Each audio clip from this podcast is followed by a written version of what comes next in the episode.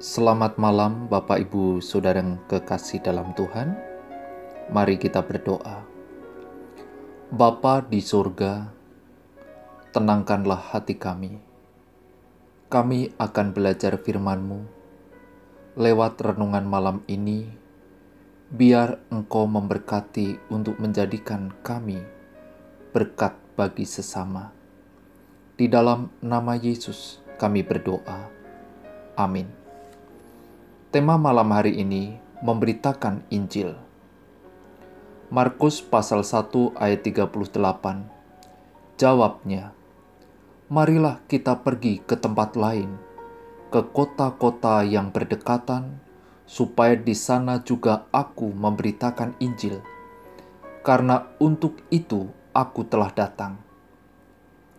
Kita sering mendengar perintah atau amanat agung untuk umat Kristen, yaitu memberitakan Injil.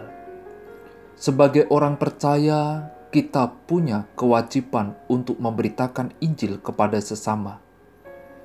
Kewajiban memberitakan Injil tidak hanya melekat kepada para pendeta atau pengkhotbah, guru sekolah minggu, dan para murid Kristus saja. Orang biasa pun punya kewajiban yang sama sebagai orang percaya. Tuhan Yesus memberi mandat secara langsung untuk pergi, untuk melakukan aktivitas memberitakan Injil. Arti memberitakan adalah mewartakan, melaporkan, atau memberitahukan. Sedangkan kata Injil sering diartikan kabar baik. Tetapi juga ada yang menyebutkan Injil adalah keempat kitab pertama dalam Perjanjian Baru. Mengapa Injil disebut kabar baik?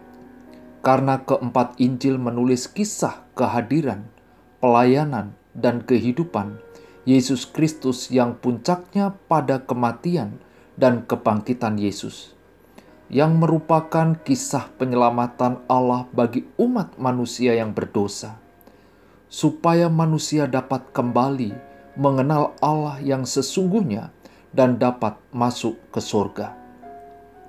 Selanjutnya jawab Yesus, "Marilah kita pergi ke tempat lain, ke kota-kota yang berdekatan supaya di sana juga aku memberitakan Injil.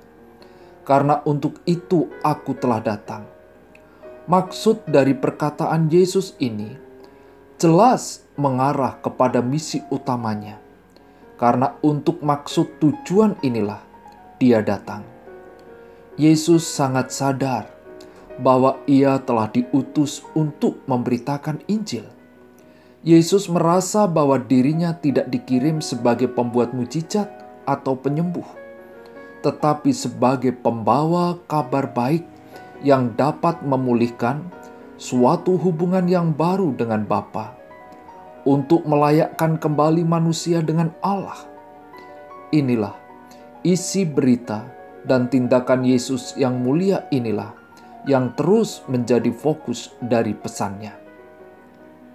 Perhatikanlah, mata Kristus telah tertuju pada tujuan utama dari kedatangannya, dan ia melakukannya dengan cermat ia juga tidak mau dipengaruhi oleh desakan atau bujukan si jahat atau sahabat-sahabatnya untuk beralih atau mundur dari tujuan itu.